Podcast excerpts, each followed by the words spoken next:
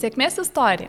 Kaip sukurti tokį prekinį ženklą, kuris išgarsėtų vos per kelis mėnesius, kurį žinotų ko ne visa Lietuva, o investuotojai ryštųsi investuoti. Šiandieną kalbuosi su Marija Valaitė, prekinio ženklo MEF Scientific įkūrėja, mama, mokslinės bendruomenės nare, kuri su kolegomis mokslininkais sukūrė kosmetiką, kuri padeda pasirūpinti oda lastelių lygmenį. Marija, tave žmonės žino kaip lietuviško kosmetiko ženklo MEFI kurėja, veidą, bet prieš neriant į tą verslo pasaulį labai norėčiau tavęs paklausti, o kokia buvo ta pradžia, kokia buvo tavo vaikystė, ar galbūt augai verslioje, verslių žmonių šeimoje ir nu, buvo tai natūralu, kad užauksi, būsi verslininkė ir viso to siekiai nuosekliai. E, šiaip tiesą sakant, e, visiškai priešingai šeimoje užaugau, pas mus netgi, taip sakyčiau, iš kartos į kartą nebuvo daug verslininkų tiesą sakant, apskritai nebuvo visai verslo krypties ir pakraipos. Mano šiaip šeima mm, labai paprasta, e, labiau žmonės, kurie orientuojasi į buvimą savo srities profesionalais negu kažkokiuose versluose dalyvavimą. Gal šiek tiek tas toks rizikos prisėmimo momentas gazindavo. Plus turbūt ir visa valstybinė situacija tais laikais neturėjo, neturėjo gal tėvai tiek daug galimybių, kiek dabar mes turime. Ir aš nuo vaikystės visada žinojau, labai tikėjau tuo, kad kiekviena karta turi kažką savo šeimoje atnešti geresnio ir naujo. Ir vienas iš tokių vat, pagrindinių turbūt varomosios jėgos momentų ir buvo tas mano noras sukurti kažką savo ir atnešti pridėtinę vertę tiek visuomeniai, tiek šeimai. Mhm. Ir dėl to e, nemažai iš tikrųjų ugdžiau save kryptingai verslo, verslo link. Mano aplinkoje labai daug tokių žmonių buvo, kurie būdavo įkvėpėjai, man tokie kaip mentoriai, mokytojai tiek idėjų generavimo kontekste, tiek finansų valdymo, tiek e, drąsių sprendimų prieimime ir apskritai toksai susikūrė labai stipri bendruomenė, iš kurios aš tiesiog sirbiau visą tą informaciją, kaip kurti ir idėjas ir monetizuoti jas galiausiai. Tai net ir mano studijos po to buvo tokia kryptis grinai apie e, kūrybinių idėjų komercializavimą. Po to ir, ir magistro studijos buvo apie verslo vystymą, lyderystę. Tai toksai realiai save nuo, nuo vaikystės pati ruošiau tam. Sąmoningai. Sąmoningai. Tarsi atrodo sąmoningai, visada žinojau, kad noriu kažką sukurti, mhm. kad visuomeniai būti galima sakyti taip, žinomų veidų, bet už tai, ką duodu, o ne tiesiog, nes kai aš prieš dešimt metų ar ne gal, kai jau e, įstojau universitetą, buvo labai ta banga influencer ir tas toks norėjimas būti žinomu. Ir aš kažkaip vis laik viduje jaučiau, kad gal ne visai ta pusė man, bet e, ką gali padaryti su savo viešumu, tai yra labai galingas įrankis, nes ir mano vis tiek buvo visa kryptis ir studijų komunikacija ir verslas. Tai žinojau, ką galiu padaryti, bet norėjau atrasti tą kelią kaip, tai kad nebūtų tiesiog per kažkokį paviršių, o kad būtų labiau per vertę, kurią galiu atnešti verslo dėka iš tiesų. Iš ties už viso to stovi labai tokios gražios, tvirtos vertybės, kaip tavo, nu, kaip stuburas, viso ko pagrindas, ar ne? Nu, iš tiesų manau, kad yra to nemažai, visada jaučiausi kad turiu ką pasakyti galbūt visuomeniai toksai, mm, nes labai daug mokiausi ir iš savo prosenelės, iš savo močiutės, iš savo mamos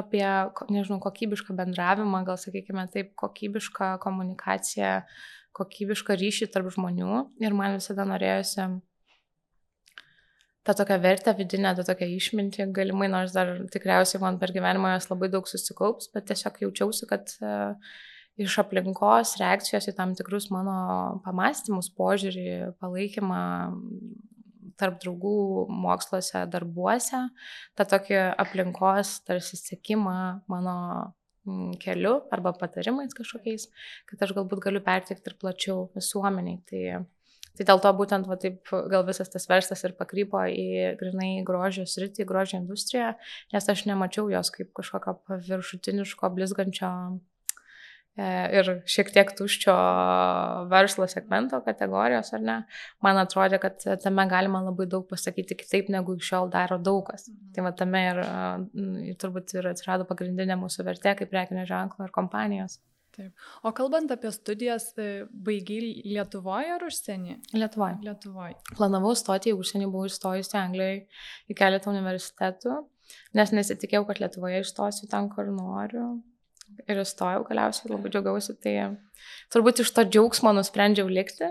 Nežinau, gal nebuvo geriausias sprendimas, nes aš šiaip visai palaikau tą e, akiračio plėtimą užsienyje ir kaip iš pradžių visi labai bijojo, bijojo proto nutekėjimo, kad visi iškeliauja.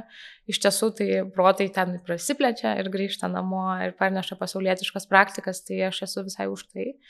Bet jo, aš likau Lietuvoje ir, mm, sakyčiau, realiai labai neblogai mm, viskas susiklosti dėl to, kad e, tą bendruomenę ratą, tą netvarką vadinamąjį tikrai turėjau galimybę per tos dešimt metų Nes aš iš, iš Kaune gyvenau ir e, Vilniuje išsikraušiau mokytis per tos dešimt metų Vilniuje įvairių darbų, patirtimis e, žiniasklaidoje, sveikatingumo industrijoje, grožio industrijoje, susikūriau gana stiprų ratą, kuris e, daug įtakos teigiamos padarė ir mano verslo vystimo kelyje. Tai tą bagažą taip palaipsniui susikroviai nuo studijų metų. Taip, tikrai taip. Tikriausiai nedaugelis žino nušties, kaip prasidėjo MEF, kaip, kaip startavo. Prieš tai dirbai rinkodaros ir komunikacijos srityje. Tai paskutinė tavo darbovietė, taip? Aš tiesą sakant, visą savo karjerą praleidau šitame, šit, šitoje sferoje, taip, rinkodaros ir komunikacijos, nes manau, kad kaip visą laiką laikiau save vieną iš tų, iš tų žmonių, kuriems pasisekė, kai nuo jaunystės tu kaip ir žinai savo kryptį ir tavo pirmas darbas yra ten, kur tu, mo, nu, ta prasme, tavo mokslų srityje, kad yra susiję. Tai tikrai nuo pat pradžių mano pats pirmas darbas buvo Lietuvos televizijoje. Keturis metus praktiškai praleidau su įvairiais komunikacijos projektais ir turėjau daug ir garbės, ir, ir moralinio tokio pasitenkinimo dirbant su Andrium Tapinu, Algymantu Čekvoliu, visais tai žmonėmis, kurie kažkam tiesiog daugumai atrodė ir tebe atrodo didžiuliai autoritetai. Ir aš tiesioginių kontaktinės valandas su jais turėdavau valandų valandas. Tai kaip jaunam žmogui 18, 19, 20 metų tai yra nu, didžiulė vertė semtis iš pačių protingiausių, gabiausių žmonių šalyje.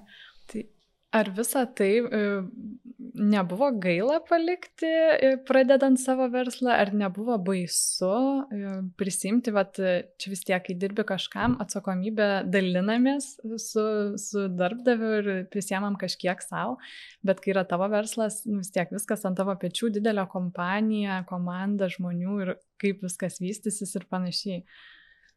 Ar buvo baisu va, tą sprendimą, tą žingsnį pirminį priimti? Tiesą sakant, buvo tokia mm, normalus progresas kelionė. E, nėra taip, kad aš iš pirmo savo darbo išėjus iš kart verslą įkūriau. Mm, po pirmojo darbo dar nemažai metų e, ir sveikatingumo srityje dirbau, kur iš realiai valstybinio sektoriaus į komercinį perėjau. Geriau pradėjau suprasti, kaip nu, vyksta ten finansų valdymas ir kokios yra atsakomybės ir um, įsipareigojimai ir kokį, kaip rinkodara veikia, kaip greitai reikia daug koreguoti ir taip toliau, planuoti, valdyti komandas. Ir tuomet um, susiklosi taip, kad kilo idėja sukurti tokį pirmąjį verslą, kuris buvo paslaugų sektoriui. Buvo pirmasis verslas mūsų uh, su vyrų drabužių valikla, tai mes gal penkis metus, keturis metus turėjome tą verslą, aš aktyviai gal buvau taip du su pusę metų jame, visada turėjau šalia samdomą darbą, nes tiesiog norėjosi, nežinau, duoti specialistam, gal kurie toje srityje geriausiai išmano, o aš labiausiai save realizuodavau vis laik rinkodaroje, prekinio ženklo žinomumo didinime ir pardavimuose, klientų srauto pritraukime, tai, tai būdavo, kad į tą verslą sudedi daug laiko, e, pastangų, bet e, jau ten aptarnauja klientus iš esmės specialistai. Ir apskritai paslaugų sektorius man toks buvo gana naujas, aš dažniausiai dirbdavau su produktu. Tai toje vietoje daug išmokau, po to mes nusprendėme, kad atėjo laikas jį parduoti, pardavėm konkurentams savo. Labai geras pirkėjas yra konkurentai suinteresuoti Ir toliau pradėjome vystyti tokį drabužių prekinį ženklą vieną, mm, kuris buvo labiau laisvalaikio, laisvalaikio krypties, e, susijęs su aktyviais sportais. Tai ten pamatėm, kaip veikia produkto gamyba, kūrimas, kiek daug e, reikia apsvarstyti ir suvaldyti, kad grandinė tiekimo būtų suvaldyta ir, ir kainodara, kad būtų gera tiek vartotojui, tiek verslo savininkui po to visa komunikacija, fotosesijos, įvaizdis. Tai ten nemažai pasimokėm, kiek daug svarbu yra išsianalizuoti tikslinę savo auditoriją, nes viena yra, kam tu galvoji, kad parduosi ir yra visai kita realybė, kas iš tikrųjų perka ir sugebėti nu, atsimerkti laiku, kad viskas gerai veiktų. Tai tas prekinis ženklas buvo toks, sakyčiau, labai mėgėjiškas pasibandymas, kaip veiktų su produktu. Gal tiesiog nebuvo, vėlgi, drabužiai nebuvo mano gal sritis taip iki galo, nes um, siuvimai, siuvyklos, bendravimas su siuvėjom, pakuotės, visokie lipdukai, etiketės, spalvos, dizainai, toks, nu, labai labai daug visko reikia ir mano širdis vis tiek jautė, kad tai nėra tokio didžio skeilo ap, galima apimtis. Ir gal auditorija, ta, su kuria aš norėčiau kaip rinkodaros specialistė, kaip verslo savininkė bendrauti, ar ne, tiek per savo produktą, tiek pati su savo rinkodaros pardavimų komanda strategijas kuriant, ar ne, vis tiek tu kaip verslininkas turi suvokti, su kuo tu nori kalbėtis. Bent jau man tas yra labai svarbu, kad ir vertybės perduoti ir visą suvokimą. Tai va, tai e, pabaigę su tuo projektu, vis dar aš tebe turėjau visada samdomą darbą. Saugų tą užnugarį. Saugų tą užnugarį ir tuo pačiu gerą mokyklą, nes e, kiekvienas mano darbas vis būdavo sakykime, apimtimi ir atsakomybėmis vis labiau, vis didesnis, vis pare, nu, daugiau atsakomybių ir pareigų turėdavau nuo vietinės rinkos iki tarptautinių rinkų po to, didžiulių nu, Amerikos ir apskritai visos Europos plėtros ir prekinio ženklo e, vairas, ar ne, jo kuriama vertė, įvaizdis, viskas būdavo, buvo mano rankose. Tai iš lokalios rinkos supratau, kaip veikia tarptautinė rinkodara, kokie ten yra pinigai, investicijos, kokios e, turėtų būti, ar ne, kaip, kaip dirba tarptautinės komandos, kaip gali apskritai organizacinė struktūra atrodyti vieno dydžio arba kito dydžio organizacijose, bet iš tos pirmos, pirmų rankų patirties, ne tik iš, iš vadovėlio ar kažko. E, ir tuo pačiu sutikau ten be galo daug gerų vadovų įvairių, ne tik e, tiesiogiai savo vadovo, bet ir kitų skyrių, kur būdavo be galo malonus uh, betarpiškas santykis, jokios atskirties, jokių ten laiptų hierarchijos, valdymo kitų žmonių laiko, valandų darbo privalomų, neprivalomų, tas toksai atvirumas, ar ne, šio laikiniam verslo vystimui, kaip, kaip pamačiau, kokio aš pati vadovų norėčiau būti, kokią vadovę ir kokio pobūdžio verslą ir kultūrą kurti savo organizacijai. Tai vat visas tas toks perėjo po truputį, po truputį į besivystantį, dar vis tebe turint samdomą darbą, besivystantį MEF projektą, į kurį labai daug investuodavau laiko po darbo valandų iki naktų, nes gyvenau tuo, atrodė, kad čia, kad čia pagaliau apčiopiau, paliečiau kažką, ką be, ką be galo noriu vystyti ir kurti labai kokybiškai. O kodėl MEF? Kaip gimė pats pavadinimas, konceptas, vat visas, visa idėja, filosofija šito brendo? Šiaip labai jokinga pasakyti, bet patį pavadinimą aš atsimenu vieną rytą prabudus, atsibudau ryte ir galvoju, susapnavau pavadinimą. Buvo labai geras jausmas, nes iš pradžių norėjau, pirminė idėja buvo galbūt match, kad it matches your skin so well, nes žinau, kokį produktą mes turime, ar ne, pagrįstą mokslu, išgrynintą minimalistinį, veikiantį. Pakuočiai ieškojau gal du metus, dabar jau matau, kad nemažai kompanijų ir prekinių ženklų gana panašias yra pasirinkę, bet iš tikrųjų yra visai gerai būti rinkos uh, lyderiais, e, kuriais seka, o ne kurie seka kažką. Geriausius pavyzdžius kopijuoja, Taip. bando atkartoti.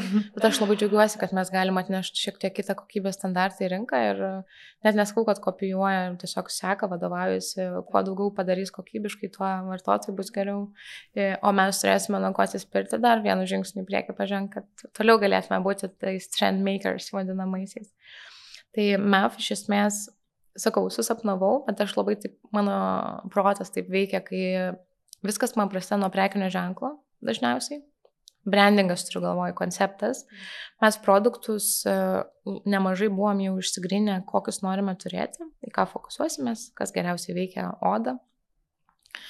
Ir kai pabudau tą rytą su jau mintimi galvoje, galvoju, čia viskas, viskas apie ką aš ir norėčiau kalbėti. Kad pagrįsta mokslu, apskaičiuota, efektyviai veikia. Dažniausiai kosmetikos industrijai prekiniai ženklai būna labai tokie žėrintys ir blizgus ir skambus, o man šitas buvo toks tokie ekstravertiški ir dinamiški, aš norėjau kitą pusę nueiti. Mes nuėjom realiai į intravertišką, statišką prekinį ženklą, kuris toksai yra nu, su juo įdomu labai komunikuoti, nes reikia išbalansuoti e, to industriją ir nepasiduoti tai bangai. Ir vien tas pavadinimas gana stipriai padeda sustoti vietoje ir laiku, neperžengti tos ribos, kad netaptum kaip, nu, kaip tam tikra didelė masė.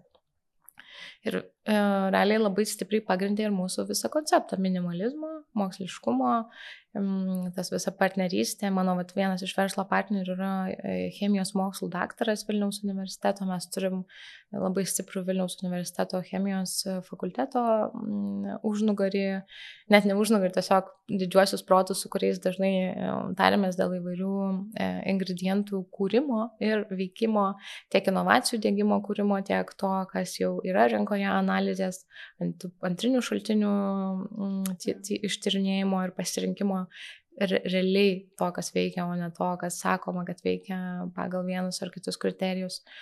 Ir po to visas tas dermatologinių tyrimų mm, procesas nepriklausomose tarptautinėse pasaulio klinikose ir institutuose. Tai mes tokie labai susidėlioję esam mokslo, medicinos mhm. ir kokybiškos komunikacijos simbiozę, kad galėtume tą prekinį ženklą pateikti taip, kaip yra.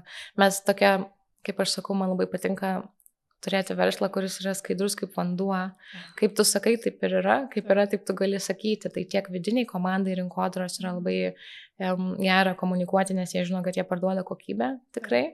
Tiek iš vartotojų ateina grįžtamasis ryšys, kad jie gauna kokybę ir jie yra dėkingi, kad pakeitė jų gyvenimą, netgi gaunam tokių laiškų ir žinučių kas labai motivuoja visus, nes atsiranda prasmė nuo, nuo pakuotojos iki ten finansų vadovo. Ar ne visiems yra Aišku, e, labai. aišku ir yra tas momentas, kuris tiesiog paliečia širdį, kad va, tu ateini kiekvieną rytą keliasi į darbą nebe, nebereikalo. Kad yra kažkam toksai didžiulis, didžiulis pokytis gyvenime. Ar net ir mažesnis, jeigu vis tiek tiek, kiek mes pasiekėm su MEV žmonių, su MEV produktais, um, tai yra didžiulis apdovanojimas iš tikrųjų mūsų visai komandai.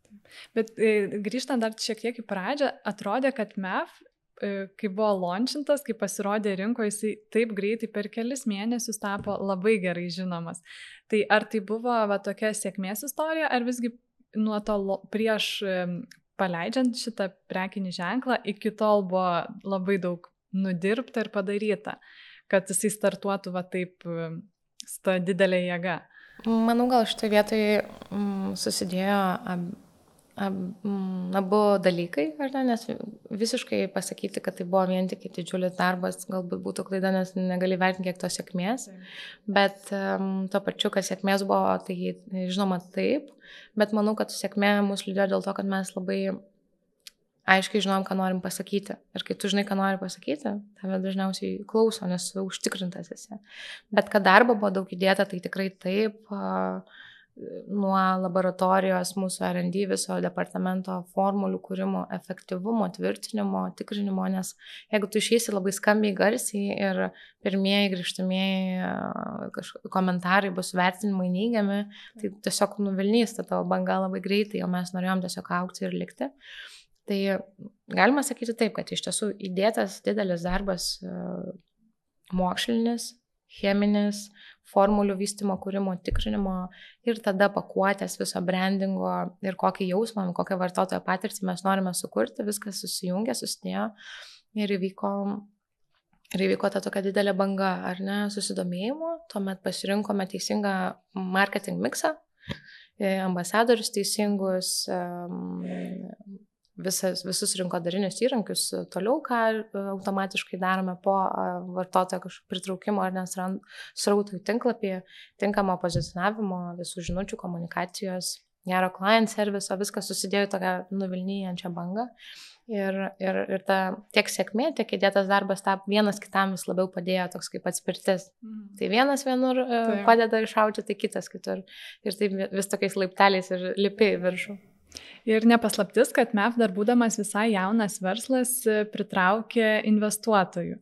E, tai ar tai buvo mm, toks irgi suplanuotas žingsnis, ar labai sunku juos pritraukti verslam, ar kaip tik, jeigu tu turi stiprią, tokią užtikrintą idėją, esi garantuotas, beveik garantuotas, kad tau nu, pasiseks pritraukti. Mm, šioje vietoje manau, kad nemažai priklauso kokioje srityje, nes, pavyzdžiui, IT startupams e, tai yra ganėtinai realu pritraukti investuotojus vien iš tų akceleratorių ir taip toliau, ateini prapičinį savo idėjas. Mūsų atveju, kadangi kosmetikos industrijoje ir iki šiol manęs labai daug kas klausia, kodėl čia tokia užimta, perpildyta industrija ir taip toliau, tai manau, šitoje vietoje suveikia labiausiai networkas, nu, apskritai tas ratas ar ne bendruomenė, kurią turėjau nes mes pristraukėme angel investorių.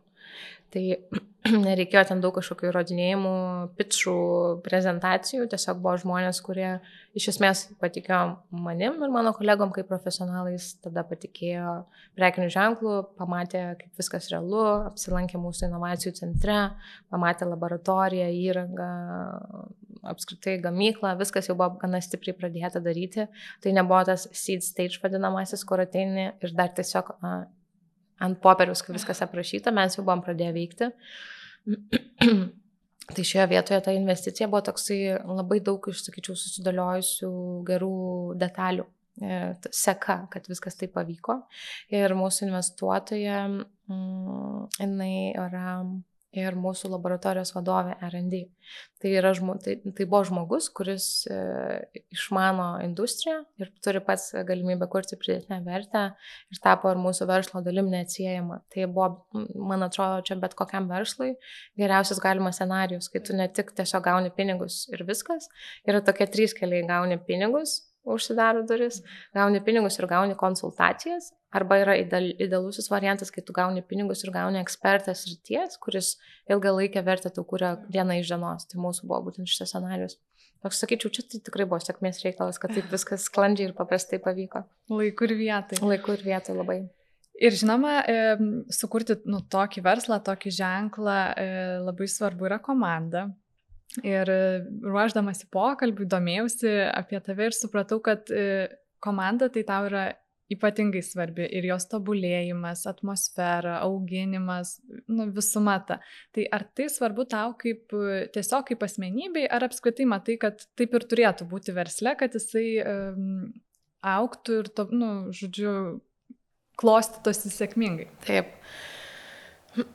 Tai man be abejo kaip asmenybei tai yra itin svarbu dėl to, kad aš ir kaip specialistai, nes aš um, labai daug formavausi komandose, kurios yra išgirstos, kurios matomos yra vadovų, kur yra įgalintos veikti. Tai man buvo tiesiog, aš net ne, iš tiesų nelabai žinau kitaip. Vienas dalykas yra tas, bet kitas dalykas yra jau per tiek, vat, um, mažų versliukų ir, va, tarkim, šio didelio verslo keletą metų veiklos aktyvios.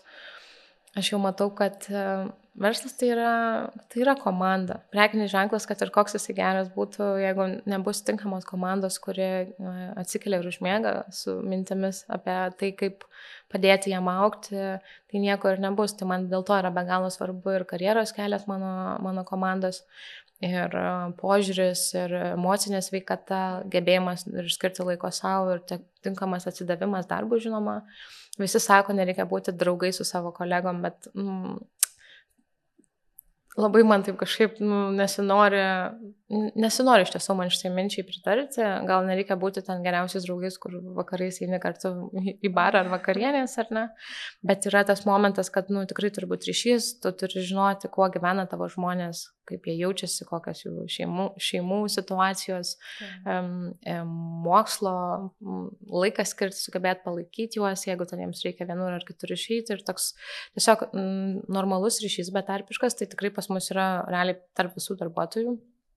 Manau, e, ir nesuklysiu sakydama, kad iš esmės labai dažnai kartoju komandai, kad e, jie ne man dirba, mes dirbame kartu dėl bendro mhm. tikslo, nes viskas, e, ką mato galiausiai vartotojas e, ir verslo bendruomenė apie mano kompaniją, tai yra tai, ką sukūrė mano žmonės. Aš jiems galiu tiesiog padėti, juos nukreipti, parodyti, e, parodyti tą viziją, įgalinti biudžetus bet realybėje aš negaliu visko viena padaryti, ką ten padaro 30 ar 40 žmonių.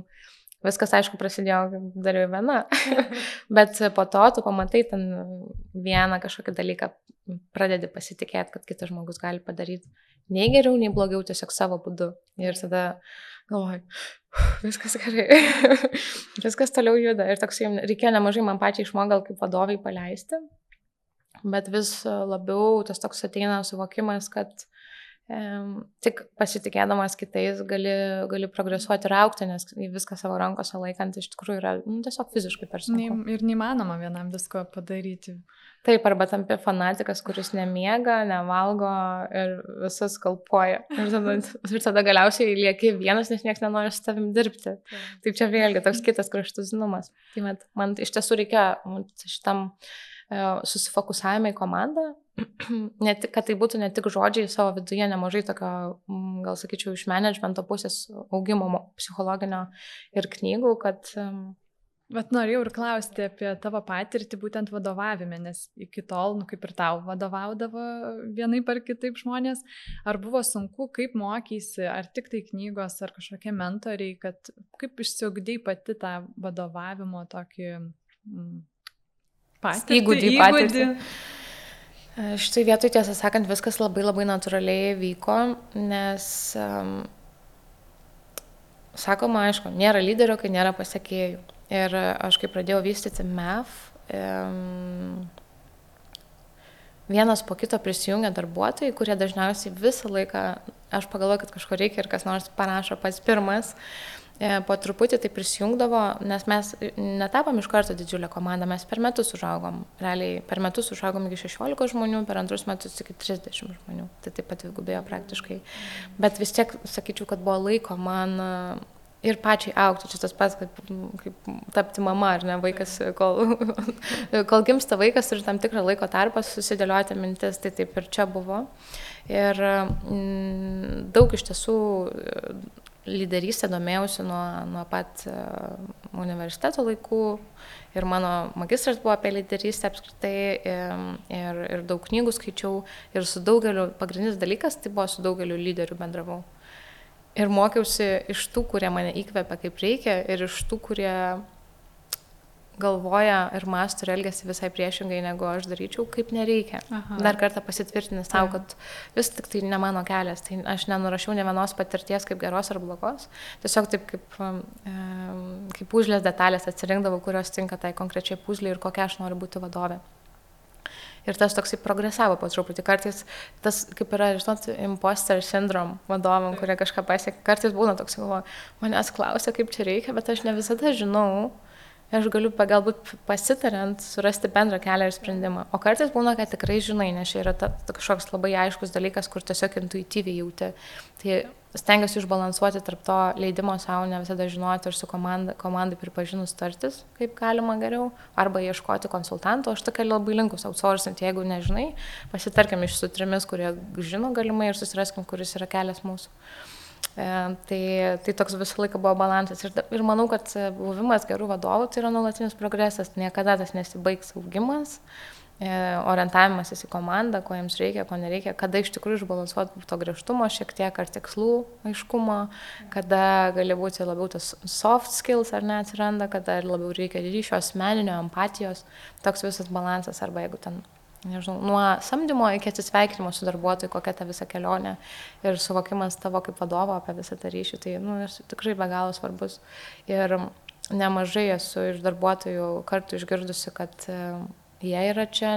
MEF yra labai svarbu ir yra e, didelis vertingas projektas, geri kokybiški produktai ir kuriama vertė, bet kad jie yra čia dėl to, kad tiki manim. Kaip lyderių. Tai manau, kad čia yra vienas iš tokių ryškiausių, didžiausių vertimų, ką tau gali pasakyti tas žmogus, kuris kasdien yra su tavim. Ir, ir į akis, ir už akių. Tai labai, man atrodo, čia vat, toks esminis dalykas, linkėčiau kiekvienam vadovui tokio, tokios komandos ir tokio ryšio. Oi, taip net šilta atrodo pasidarė. O kalbant, kad verslas atrodo verda, nu, laiko turbūt ir savo pačiai sunku rasti, ir kažkokiam hobiam, laisvalaikiam laisvalaikiu, bet vis tiek, ar sunku suderinti verslą su asmeniniu gyvenimu, su šeima, turi mažą dukrytę, Ir tiek visko vyksta aplinkui. Tai ir kaip, ir sunku... kaip tą balansą, ar turi gal kažkokią savo formulę, kaip vat, išlaikyti balansą gyvenime ir turėti vat, tą sėkmę ir šeimoje, ir, ir versle, ir, ir dar pačiai jaustis gerai. Iš tiesų yra ir sunku, ir lengva. E, sunku dėl to, kad aš tokia trupučiuką, sakyčiau, esu gal linkusi į perfekcionizmą, maksimalizmą, bet e, ne tiek, kad iš kitų reikalaujant, kiek iš savęs norisi kuo daugiau padaryti. Bet e, visą laiką yra čia, man atrodo, irgi verslo etapai ir uh, asmeninės brandos etapai. Gal, gal aš sakyčiau, esu iš pirmo to, kur hardcore naktimis dirbi ir neturi visiškai laiko savo. Jau esu gal perėjusi tą šiek tiek kitą, vaikas labai padėjo pasisteminti ar ne, užbrėžė valandas, kada, kada jau mama turi išeiti iš darbo.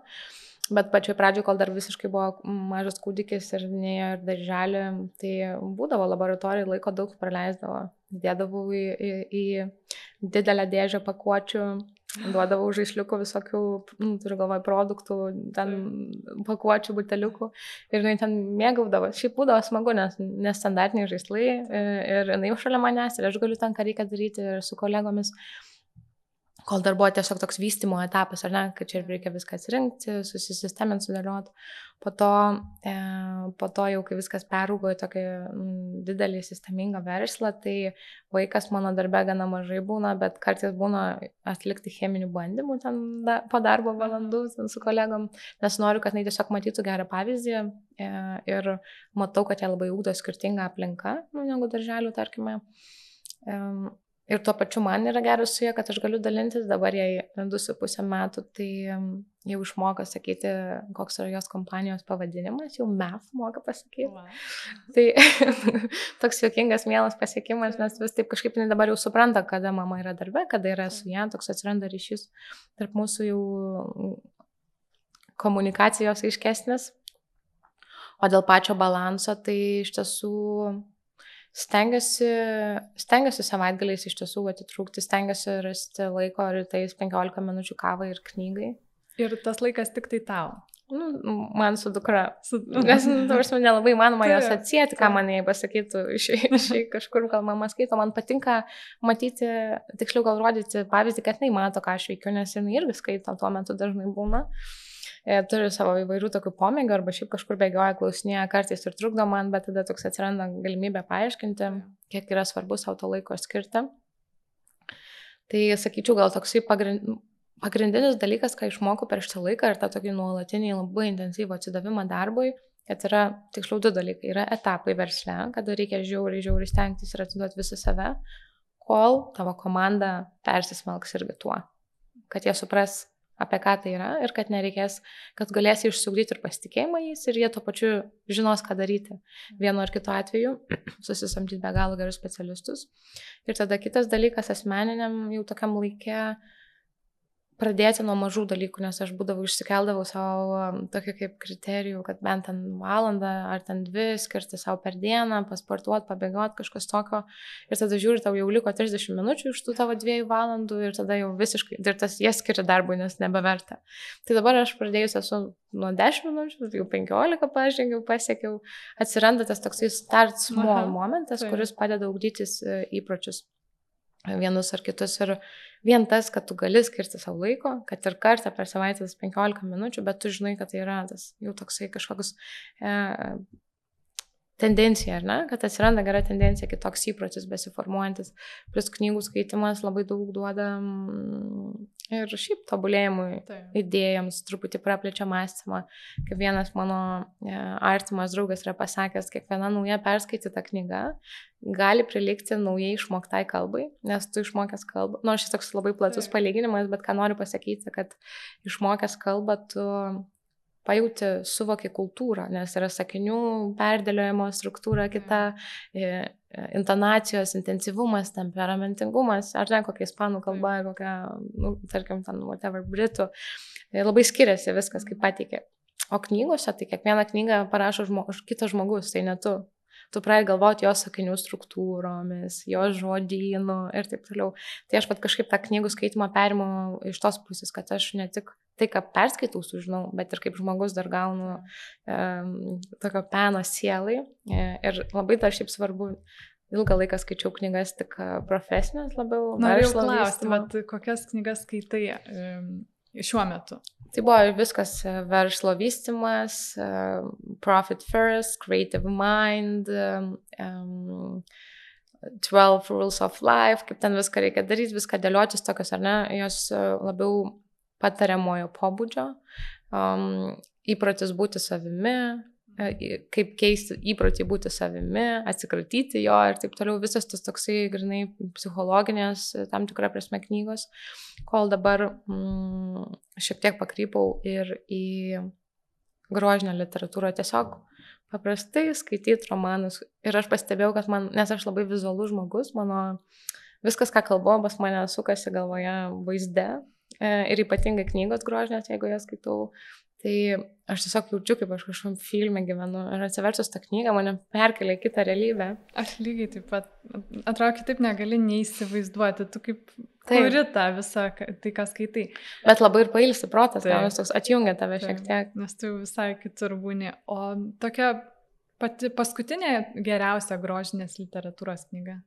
Ar atsimeni? Tokia, kur tikrai paliko įspūdį ir norėtum pasidalinti. Jis gal ne tiek geriausia, kiek gal tiesiog aš dabar ją skaitau ir man visai patinka labai lengva.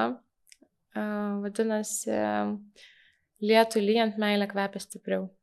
Labai tokia. Net negirdėta. Sakyčiau, gal super cheaty. Ten yra apie, apie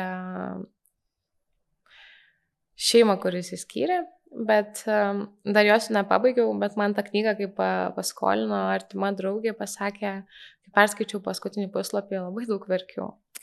Tai galvoju, kad e, labai didelę vertę turi žmonėm knygos, kurios priverčia jaustis kaip nors apie jas. Tai tas, ar tu išlėjai ašaras, emociją, išgyveni kažką, ar tu ten pagalvoji, nežinau, permastai savo ten požiūrį, dar ką nors, visos tos knygos, kurios palieka kažką viduje, bent jau tuo metu, tai tikrai labai rekomenduotinas, o šiaip iš va tokios grožinės, kur gal tikrai rekomenduočiau paskaityti, nes jau pilnai esu ją baigusi, tai yra įkvėpti tylą neurochirurgo, per tą pavadinimą tikrai lengvai susirasti, jeigu kažką sudomins, e, neurochirurgo parašyta tokia pusiau biografinė knyga, e, kuris pats gavas, man atrodo, susirgo ar smegenų vėžio ar kažkas tokio, ir jisai galiausiai, nu, tiesiog nebe... Rai pradėjo rašyti tą knygą, nes jo žmona laukėsi vaiko ir jisai žinojo, kad jis nesulauks vaiko gimimo dėl savo lygos progreso. Na nu, ir čia yra toks tėčio, kuris niekada nelaikė savo vaiko rankose knyga, tam vaikui, kaip jo istorija apie, nu, nežinau, kaip jis masto apie jo gyvenimą, toks išliekamoji vertė. Galiausiai tą knygą pabaigė žmona jo, tai, nu, bet tėtis pasirūpino savo vaiko ir ateitim, finansinę gerovę ir jausminę gerovę, manau, tikrai labai daug tam perdavė. Tai tikrai ta knyga, tai ne vienoje vietoje skaitant verkėsi, bet iš to tokio iš labai gylio, ne tai, kad ten to gaila, čia, nu, nežinau, bet iš tokio šiaip gylio, kiek galima mąstyti, va taip, ir ant kiek galima mylėti tą, ko tu nepažįsti. Taip. Labai verta šitą knygą, tai tikrai rekomenduoju. O kalbant apie tą vat, laisvalaikį be knygų, turi gal kažkokių, nežinau, sportuoji, man atrodo, skaičiau, kad joga tau e, prie širdies yra. Joga man prie širdies, bet jau dabar esu ją kurį laiką apleidusi nuo mažylės gimimo realiai, nes šiek tiek sunku atitrūkti buvo, tokiam jau ilgesniam kelių valandų periodui, bet man labai patinka tenisas atradau, sakyčiau, tokį aktyvesnį savo sportą ir motivaciją eiti, nes ten yra stipri bendruomenė, labai daug verslininkų, man patinka iš tikrųjų, nes tiek prieš, tiek po būna su kažkuo susitinki ten aplinkoje ir toksai irgi e, ir pailsi, ir pabendrauji, ir patobulėjai, toks kažkaip simbiotė labai gera. Plus e, ir treneriai labai įdomų žmonės, tokie geri psichologai, psichoterapijos valandą gauni kartu su sportu. Mes su verslo partneriu iš tikrųjų einam kartu į tenisą, tai toksai visai gaunasi geras, um, um, gera proga atitrūkti nuo darbų, bet to pačiu palaikyti ir kurtis ryšį tokį asmeninį toliau, kad nebūtume vien tik apie darbą susifokusavę kalbėti. Tai tenisas, e, aktyvus vandens sportai, veikbordinimas šiaip irgi nėra man svetimas šiais metais. Šiais metais taip ir e, nenukeliavau ne kartą paplaukti, bet, e, bet pernai, užpernai tikrai nemažai plaukėdavau. vanduo ir vėjas tokio atneša daug, Aha. daug ramybės į mintis. Plus visai dabar pradėjau svarstyti, galbūt šiek tiek į būrevimo pusę pakrypti, yra net merginų būrevimo komanda, kiek žinau, ten pajūry. Tai toksai, dabar toks mano gyvenime etapas, kai atsiranda daugiau laiko ir erdvės galimybėj pagalvoti, ko aš noriu, apie ką aš esu, Taip. kaip moteris, kaip žmogus, net, nes ne tik esu verslas ir mama, bet tiesiog daugiau šiek tiek vaikas yra didesnis, verslas jau stabilesnis, tos visos plėtros kryptis tarptautinės yra vienas dalykas, bet ir tuo pačiu yra komanda stipri. Tai dabar vad galvoju, apie ką aš iš sporto pusės ir perspektyvos, tai vad norisi labiau tos tokius um, dar mažiau atrastus išbandyti sportus. Plus man labai bėgiojimas patinka, atrodo taip super paprasta. Anksčiau vaikščiojimas eidavau ten po 15-16 km ir ten bent kelis kartus į savaitę tikrai būdavo e, mano dalykas, nes ir pagalvoju, ir audiobuksus paklausai, toksai labai, plus neišvargina, nėra taip sunku prisiversti, nes tu žinai, kad neturėsi ten kentėti, nes vis tiek lengviau fiziškai yra. Bet bėgiojimas irgi ten apie 10-12 km, man irgi toks yra gana komfortiškas atstumas, kur ir pagalvoji, ir atsijungi, ir vėl pagalvoji, ir toksai kažkaip stabilizuojasi, nes nuo to pakylančio ar ne dopamino lygio, apskritai pasitenkinimo, visi ten hormonai sukyla, kurie, kurie kelia tokį ir aktyvesnį mąstymą, ir šviesesnės mintis, ir gaivesnės idėjas, tokias ar ne inovatyvesnės. Tai dažniausiai yra po to, kai tu pasportuoji, kaip ten Man neatsimenu, kas sakė, kad e, valanda sporto yra kaip e, naktis miego. Galima tai palyginti. Antiek nu, atsinaujina smegenų veikla ir suaktyvėja viskas.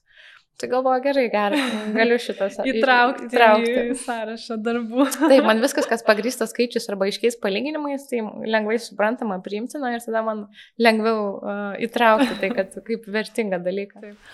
O kalbant, e, kadangi grožės sferoje tiek tu, tiek aš dirbu, e, kokia yra tavo rutina kasdienė, kad išliktum švytinti, gražiai atrodanti, kad pasirūpintum savo odą turi nuolat kintančią rutiną ar tokią pačią, ar priklausomai nuo sezono?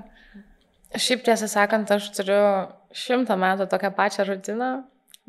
Nu, ne šimtą gerai, gal kokius tris su pusę, nuo tada, kai pirmieji atsirado MAF produktai, nes iki tol gana nemažai ieškojau, kas yra mano. Dabar aš vis laik naudoju du produktus ir nuo pat pradžios verslo iki pat dabar tos pačius. Uh, bet, nu, tai mano rutina yra labai paprasta prausiklis ir serumas. Tiesiog ryte, vakare tą patį kartojant, e, kuo mažiau makiažo, bet šiaip man visai patinka irgi kartais toks lengvas makiažas, nes moteriams čia kaip japonų filosofija yra, ar ne, save atskleisti savo gražiuosius bruožus šiek tiek, o ne, o ne slėpti kažką su makiažu. Tai man visai patinka ta filosofija ir mm, tikrai mm, tarsi tos 10 minučių ar 15 skiri savo. Net kartais nusinešu į vonę kavos padelį ir taip lietai pasidarau birę pudrą, kažkokią mineralą, nu, vat mūsų mineralinę, tarkim dabar, kai turime MAF, bet ir ar kažkokių kitų kompanijų, kai turėdavom. Tai tas ritualas gana paprastas, plus aš pastebėjau, kad odai kad yra didžiulis mitas, kad reikia visą laiką keisti kosmetikos priemonės, nes oda pripranta kaip aš sakau, jeigu oda pripranta prie geros kosmetikos, tai kodėl kūnas nepripranta prie gero maisto ir nepradeda storėti, jeigu nu, efektas dinksta. Tai, ta prasme, nelogiška. Tai, tai dėl to aš kažkaip pastebėjau, kad e, oda, gaudama stabiliai tą pačią rutiną, man tiek žiemą, tiek vasarą jinai pradeda savo natūralias biologinės funkcijas. Susibalansuoja. Su, taip, mhm. grinai paversti pagal tiek pagal sezoną, tiek pagal emocinę tam būklę, maistą, sveikatą. Vis tiek toksai stabilumas yra, man atrodo, esminis dalykas kiekvienam kokybiškam pokyčiui. Tai mano kokybiškas pokytis buvo iš probleminės odos perėti į odą, kurią atrodo nereikia rūpintis, bet e, dėl to, kad taip jinai atrodo, aš ją rūpinuosi kiekvieną dieną ryte vakarė savo tais paprastais dviem produktais. Wow. Na ir pabaigai, jei nepaslaptis, tai tavo kaip as, asmeniniai tikslai tiek daugiau sporto skirti laiko savo, galbūt būriuoti ir panašiai, o kalbant apie verslą, ar yra e, planuose vystyti ir auginti MEF, arba galbūt atsiranda naujų projektų irgi, kurie gal ne visai susiję, arba tiesiog atskiri nuo MEF? Tai iš tikrųjų MEF planai yra pasaulis. ir mes dabar esame labai e, gerame sistemingame kelyje plėtrai Europoje e, su MEF, nes šitas prekinis ženklas buvo kurtas nuo pat pradžių kaip turintis kojas tarptautiniai rinkai, grinai mums Lietuvoje launčinus viską, reikėjo pusę metų įrodinėti, kad mes lietuviškas kompanija, esame Lietuvoje viską sukurta, nuo idėjos, formulės iki gamybos pačios, kad viską turime patys po savo stogų. Tai yra mūsų komandos darbas. Ir toks, kaip sakant, geras mitas paneigti, ar ne, nes tu jau atrodo kaip tarptautinis. Tai, tai va, tai MEF planai yra Europą, ir Ameriką artimų metų, galvojame ir ten padalinį, net ne padalinį, nu, iš apskritai naujo gamyklą ir viską įsirengti, nes tikriausiai, kad per daug e, sudėtinga būtų visa ta teisinė bazė, statyminė ir visas shippingas. Tai galvojam ten tiesiog atskirai turėti. Ir, ir, ir, o dėl kitų prekinių ženklų, tai taip, mes iš esmės savo verslą matom, jis yra iš trijų krypčių, ar ne? Tai RD, formulių kūrimas, mokykla ta visa intelektinė dalis. Tada yra gamy, gamyba, kur mes galime gaminti įvairius produktus. Ir tada yra mūsų rinkodaros ir pardavimų skyrius, kur gali vystyti įvairius prekinius ženklus.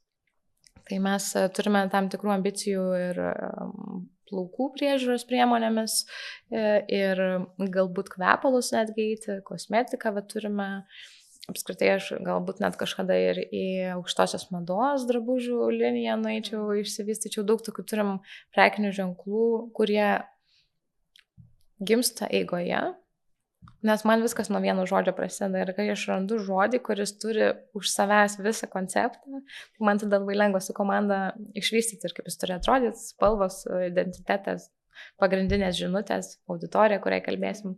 Tai toksai, tai va, tai dabar mes norim stabilizuoti ir jau įvesti MEF, bent jau į Europą startuojam, paskui Ameriką su komanda, kad galėtume pradėti plėsti komandą ir pagal atskirai prekinius ženklus jie galėtų jau užsiimti savo, savo kūrybinę veiklą.